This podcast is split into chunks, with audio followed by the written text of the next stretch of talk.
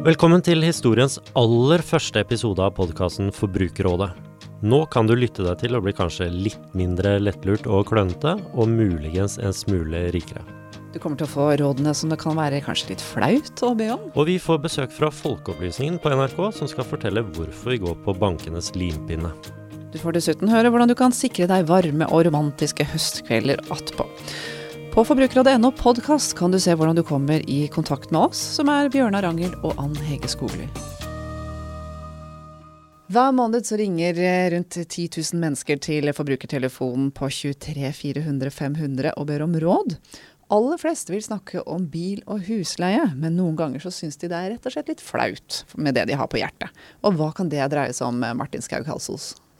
Ja, hun var vel ikke mye høy i hatten, hun gamle damen på 80 år som ringte meg og klagde på en sextelefonregning hun hadde fått. Og vi vet jo at det å få en eh, regning for eh, slankepiller som du ikke har eh, bestilt, det er heller ikke gøy. Eller regninger for porno- og datingtjenester. Men datingtjenester, abonnerer du da, eller?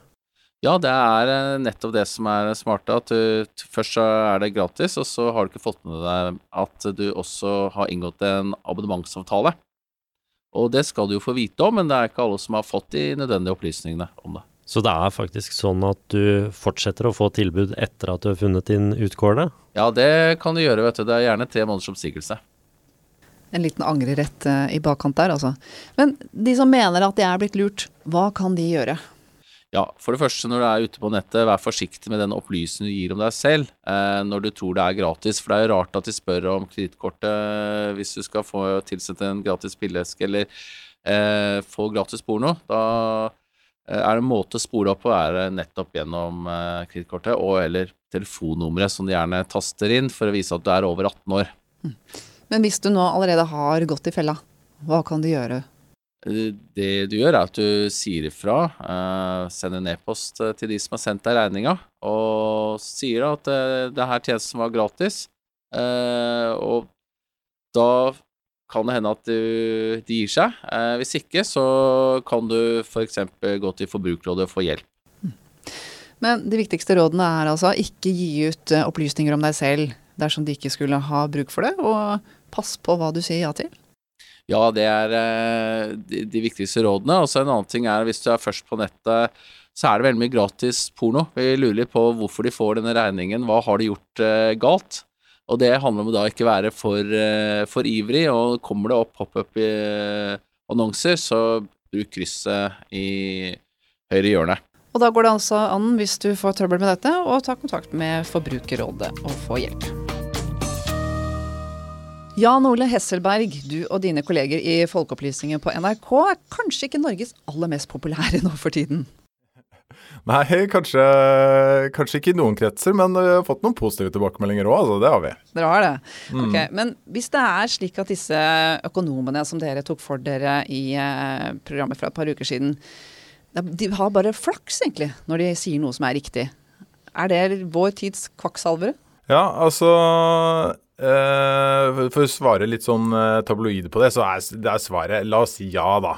Uh, det er noen nyanser der som, som, er fint å få fram også. Det er ikke, det er ikke sånn at alt økonomiekspertene sier er rent myntkast eller sjansespill. det avhenger litt av hva de egentlig snakker om. Det er lettere å si noe om rentenivå f.eks. enn det er å si noe om oljepris og aksjer, som det er, det er så å si rent sjansespill. Mm. Ja, for det, I programmet da, for et par uker siden så kledde dere økonomiekspertene nærmest nakne. Og, og, dere var jo inne på dette her med myntkast kan nesten være like greit. Mm. Ja, altså eh, I veldig mange tilfeller så, eh, så er det faktisk eh, sånn, altså. Og, altså, vi må huske på det. Det må, det må investere penger et, uh, i et marked som børsen er, uh, det handler egentlig om at du du mener at du sitter på informasjon som er bedre enn informasjonen til den som selger deg noe. Så når du kjøper en aksjer eller, eller eh, kjøper råvarer, så, så, er det jo for å tjene penger på i framtiden en gang. Og det, du, det du tror da, er at du gjør en bedre vurdering enn selgeren. For selgeren tenker jo også at eh, det er lurt av meg å selge nå, for jeg kommer ikke til å tjene masse på det her i fremtiden. Så dere vedder egentlig litt mot hverandre. Så da er jo spørsmålet er det noen som klarer dette bedre enn eh, andre. Og der finnes det ganske mye forskning som uh, viser at ja, kanskje det er noen som er bitte litt bedre, men de er så å si umulig å identifisere på forhånd.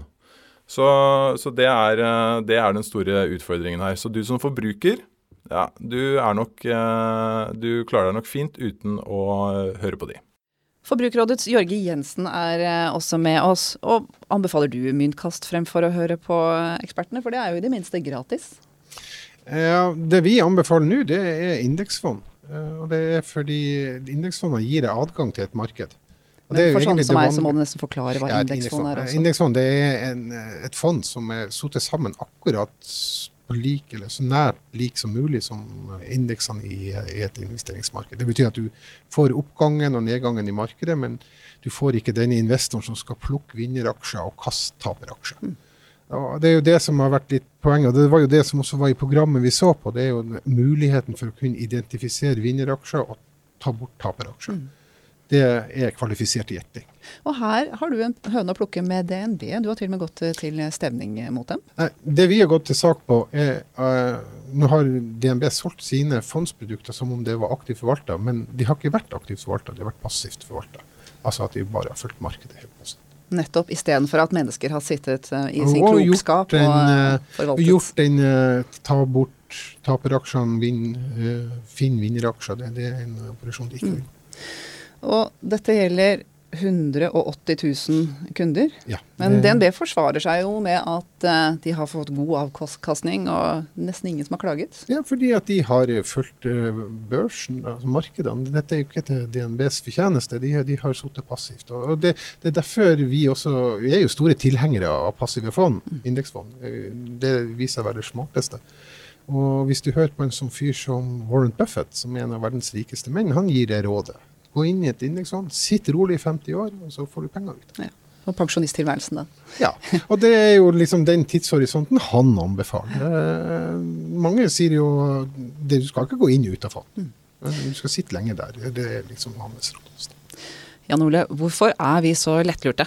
Vi mennesker vi kan, ikke, vi kan ikke vite alt om alt. Det går bare ikke. Eh, og for at eh, vi skal klare å overleve, så er vi avhengig av andre mennesker. Det har vi alltid vært. så Derfor er vi stilt litt inn sånn at vi er i utgangspunktet ganske tillitsfulle. Eh, det ser man også fra sånne hvor man prøver å simulere evolusjon. Så finner man ofte ut at det lønner seg å være ganske tillitsfull, i hvert fall i grupper. Og så vi lytter til andre. Vi hører på andre mennesker, og vi hører spesielt på de vi oppfatter som eh, autoriteter. Og dette, denne økonomibransjen og ting som handler om forvaltning og, og, store penger, der føler vi oss ganske inkompetente, de aller fleste av oss, vil jeg påstå.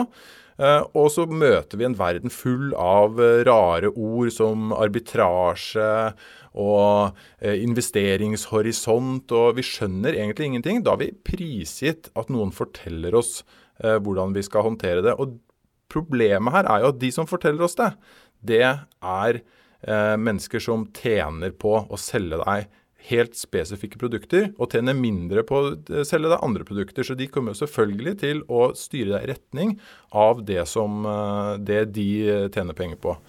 Men til dere begge to. Er det sånn at eh, bankene mener selv at de sitter på en uvurderlig kompetanse og gir helt fantastiske råd, eller flirer de litt i skjegget når vi går ut fra kontoret etter å ha signert? Altså, jeg, jeg er litt eh, jeg tror du, finner begge deler. Men eh, vi snakket i researchen til eh, Folkeopplysningen så snakket vi med, med selgere av fond som var helt, helt, klare på at det ikke var et spesielt lurt produkt å putte pengene sine i. De ville jo ikke stille opp på kamera, selvfølgelig. Og jeg testet i går, faktisk. Så ringte jeg min bank bare for å bare for å høre hva slags tips jeg fikk når jeg skulle investere. De blir og kanskje da, litt redde når du ringer? Nå, altså, Det spørs om de husket navnet mitt, da. Men, men eh, da fikk jeg et tips om, eh, om, ganske dyre fond som tok oppunder 2% i, eh, i honorar, og som hadde veldig høy veldig høy risiko. Og det er de fleste er enige om at det ikke er et spesielt godt spareråd for den, for den jevne nordmann. Når jeg sitter nå med denne kompetansen rundt meg, så det, må jeg benytte sjansen til å be om litt råd. Fordi det er noen gang slik at jeg har omtrent like mye peiling på fond som på fotball. Men hvis jeg skulle da sendt inn en tippelapp, så hadde jeg jo sett på tabellen hvem ligger øverst, og våget å satse på dem. Kan jeg ikke gjøre det samme med fond? Vi har begynt å, å, sette opp tabellen litt annerledes i Forbrukerrådet. Hvis du ser på tabellen, Det som er vanlig når de setter opp liksom, tabellen, det er å si at dette fondet gikk veldig bra for sju år siden eller tre år siden. Eller Vi har begynt å sette opp på, på kostnad. Hva koster fondet? Og Det har noe med at et fond kan gå godt hvis det er på en slags megatrend. Altså hvis det, la oss si at medisin går veldig bra en periode, så, så kommer et fond med medisin til å score godt. Uh, så i alle fall, hvis du legger til tippeloppen din, uh, legg, uh, en eller annen form for tabell som du skal sammenligne med og prøve å reprodusere, så ta nå da og sorter den tabellen etter pris. Det er vår anbefaling. Altså, det, vi tittet jo også på det eh, på disse listene. For når du ser på de listene, så, så, føler du at du nesten bare har anledning til å velge mellom fond som går veldig bra. Eh, og det er litt rart. Det virker som om alle gjør det bra. Eh, og det vi, det, vi, fikk tall fra Universitetet i Tromsø eh, som, hvor vi så på levetiden rett og slett til, til norske fond. Og Litt av problemet er at de starter opp utrolig mange fond, og så legges de ned fortløpende. Så, øh, øh, så, levetiden på det norske fond, sånn, tatt i betraktning alle de som også er lagt ned, er ganske, den er ganske kort. Så etter fire år så er ca. halvparten øh, lagt ned.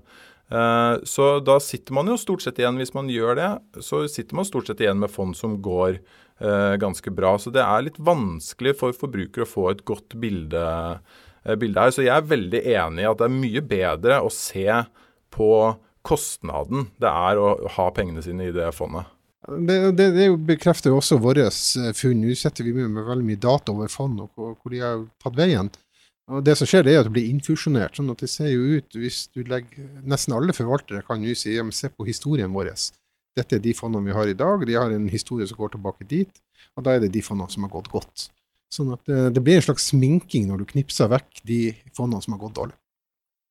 Hvis det nå skulle være flere enn jeg som har mistet motet litt nå, og skulle ha penger til overs, hva vil man gjøre med dem? Er det madrassen neste, eller? Eh, standardanbefalingen fra oss er å bli kvitt gjelda di. Hvis du har gjeld, det er ganske mange som har både penger til overs og gjeld. Eh, mange vil jo si ok, nå er renta så lav, så dette er ikke noe problem. Men det er nå du kan ta store jafs av gjelda di og betale ned på, sånn at når rentenivået en gang stiger i fremtida, så, så, står du med en mer solid økonomi. Så det er det første. Bli kvitt gjeld. Hvis det ikke det er en aktuell problemstilling, da, så må man jo begynne å ta et valg her om hva, hvorfor jeg skal ha disse pengene. Er det spareformål? Da kan jo type kontosparing være. Hvis man skal ha seg en ny gjenstand eller en ferie, så, så er det naturlig. Men så er det det at du skal begynne å vurdere markedet. Og da er det ett valg du må treffe før noe annet. Det er om du skal ta disse aktive fondene, om du satser på en aktiv forvalter som skal vin, plukke vinneraksjer og kaste opp aksjene, eller om du skal satse på at du er med på flo og fjære i markedet. Hvis du velger det siste, så kan du komme like godt ut som det, eller som hvis du tar et aktivt forvalterfond. Jan Ole, støtter du deg til det? Ja, altså det er, jo, det er, jo, litt trist at det ikke er mer sexy enn det. Og vi har jo alle hørt at vi skal betale ned boliglånet vårt, og at uh, vi skal tenke langsiktig på sparing og ikke flytte aksjer uh, fram og tilbake. Og, og, det er jo, altså det var konklusjonen uh, vår også, er at uh, det tryggeste er det beste. Og så kan man selvfølgelig, hvis man har lyst til å spille høyt og ta sjanser, så kan man jo gjøre det. Men som sagt, det er like sannsynlig at du havner under den streken som at du du havner eh, over. Så eh, ned på boliglån først, og så kan du vurdere dette indeksfondet senere. Og så er det jo ikke sånn, Jeg vet ikke om dere tok det med på programmet, men altså det å, et fond kan jo man jo på en måte skape sjøl også, ved at mm. man bare kjøper enkeltaksjer. Det er veldig få av oss som orker å ta oss tid til å kjøpe 50 forskjellige aksjer altså prøve å følge men altså det er teknisk mulig å gjøre det. Og det er ganske billig. Det finnes mange steder på nettet du kan kjøpe aksjer for en lav kurtasje, eller en lav pris. Da kan man jo velge også uh, Man trenger ikke legge så veldig mye arbeid i det. Man kan velge store, solide aksjer på, på de, de, største børsene, og så kan man sitte på de uh, en god stund. Så det, man trenger ikke å, å kunne kjempemye for å investere på en sånn passe god måte. Det er godt å høre. Bjørnar har i hvert fall lovet å gjøre meg litt rikere i dag, så da får vi se hva jeg finner på å gjøre med de kronene jeg måtte spare. Tusen takk skal dere ha. Ann Hege, jeg har vært og snoket på pulten din, og der hadde Gisp. du Hva fant du da? Nei, der lå det jo en uh, faktura da, fra forsikringsselskapet ditt. Og jeg klarte ikke dy meg for å finne ut om du faktisk kunne bli litt rikere på tre minutter. Ja, ja, vi har veldig sånn åpent landskap hos oss. Ja, det har vi. Og jeg, jeg fant ut Jeg kan vel si at du betaler litt i overkant mye for den bilforsikringen din. Ålreit. Da regner jeg med at du kan gjøre noe med det også? Det kan jeg. Jeg har juksa litt, men jeg trenger noen detaljer. Jeg har gått inn på finansportalen.no eh, og tatt opp bilforsikringskalkulatoren. Mm -hmm. Og der vet jeg at du har en Honda, eh, og den er registrert første gang i 2010. Ja. Det høres riktig ut. Riktig. Og jeg tror også at dette kan dreie seg om en toliters motor. Altså, fargen er i hvert fall en sånn veldig sånn delikat mokka, heter den. Riktig. Ser det spesielt når solen skinner, kommer det godt frem. Normalt så spiller ikke fargen så stor rolle for hva du betaler for forsikringen din. Men det jeg lurer på er, har du et lite rødt lys som, som lyser i døra, eh, som betyr at du kanskje har en alarm? Jeg tror det er noe som blinker der, ja. ja. Riktig. Og du har ikke leaset denne bilen? Nei. Nei. Uh, nå har jeg juksa såpass at jeg faktisk har sjekka hva du har i bonussats òg. Ja, det vet jeg ikke hva jeg er engang, så det er jo fint. Ja, det var, uh, det var bra det, altså. Men du har kjørt skadefritt de siste tre årene? Kjører pent. Ja, bra. Uh, egenandel ved skade, hva vil du ha der? Lite. 6000? Tja. Vi begynner med det. Og det er ingen under 25 år som kjører bilen din? Ikke ennå. Gateparkering? Mm. Riktig. Da får vi opp et resultat her, skjønner du. Og jeg så jo at din bilforsikring lå eh, relativt høyt opp mot uh, eh, 8000 kroner. Og nå har jeg funnet en forsikring til deg som er på 5000 kroner. Oi. Det er 3000 kroner rett i lomma til meg, det. Eh, hva skal jeg bruke det på, tror du? Du, der har jeg faktisk et kjempegodt råd til deg. Aha. Og vi skal få høre mer fra Forbrukerrådets egen handyman om hvordan han skal holde deg varm utover høsten. Låter bra. Ja, du sparte jo 3000 kroner, Ann Hege, og nå skal vi jo se på eh, litt hva vi kan bruke de pengene til. Eh, det begynner Det går ubønnhørlig mot eh, høst, og det blir kaldere å sitte ute. Men du har et, et råd til oss, Jogrim, for hvor vi kan plassere disse pengene.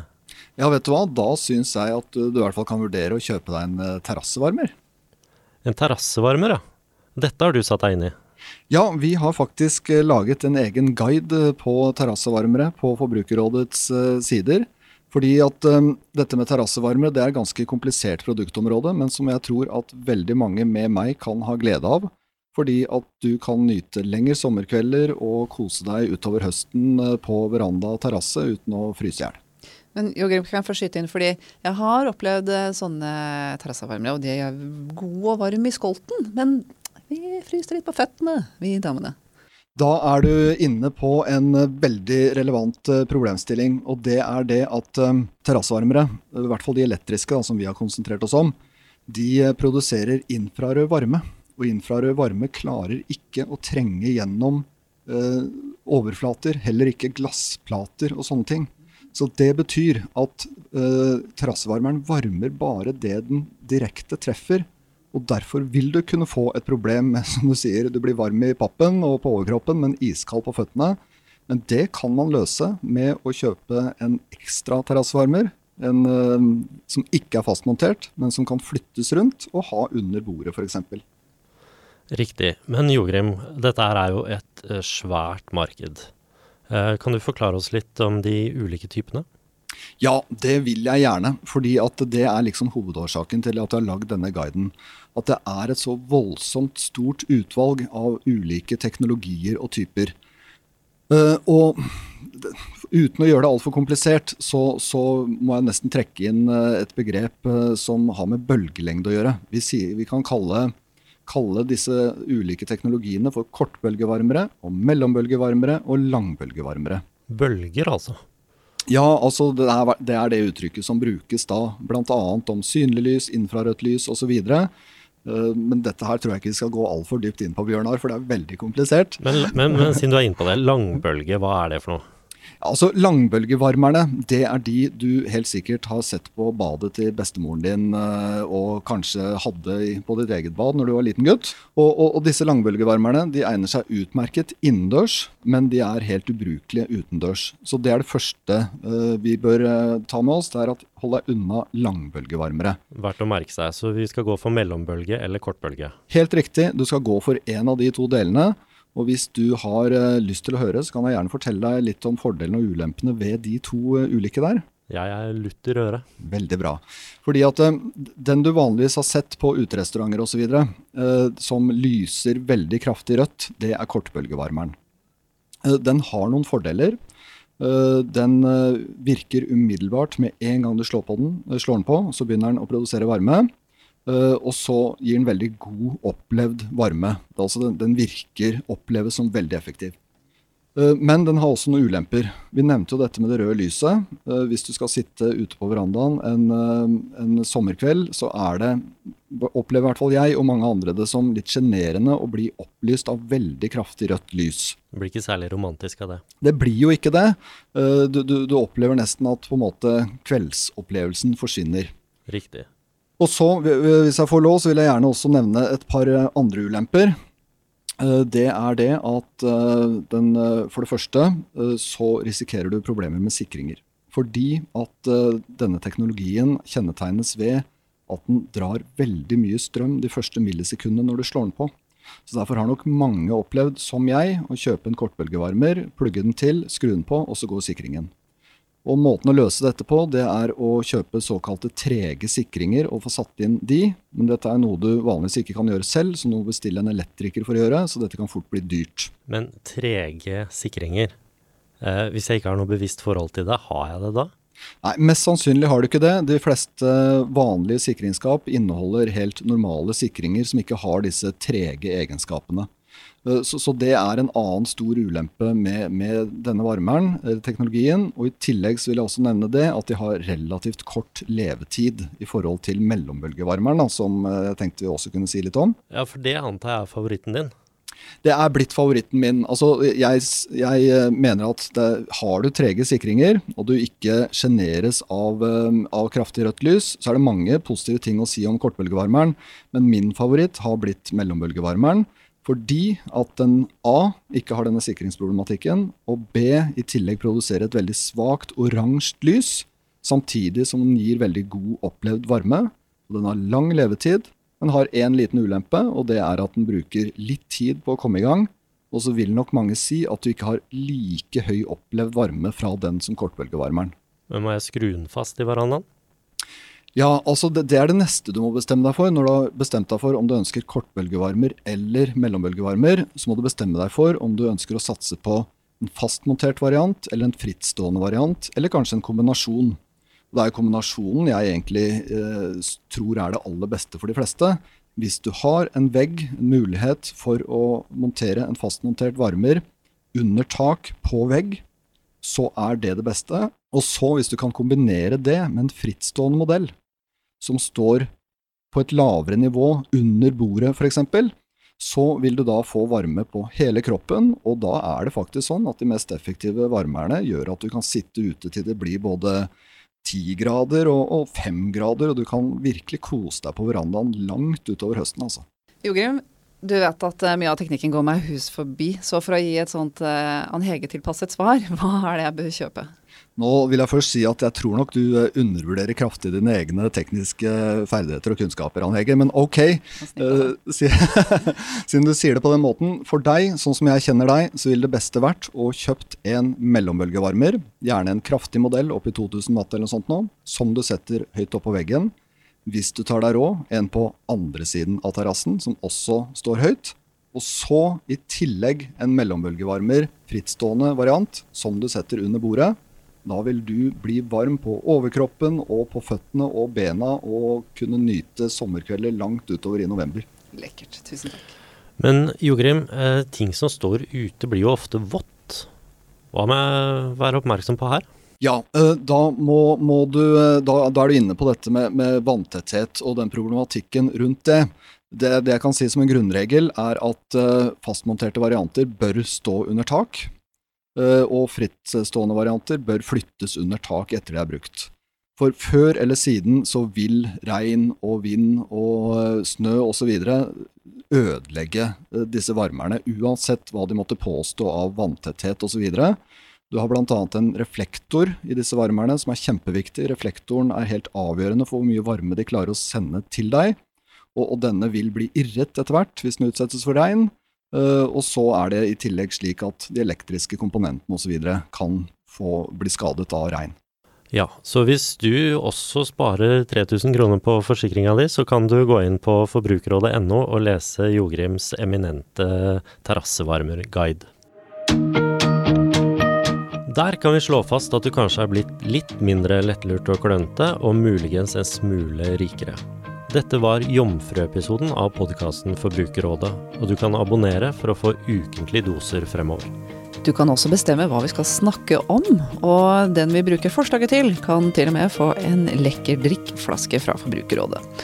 På forbrukerrådet.no podkast ser du hvordan du kan komme i kontakt med oss, som er Bjørnar Angel og Ann Hege Skogli. Tusen takk for oss.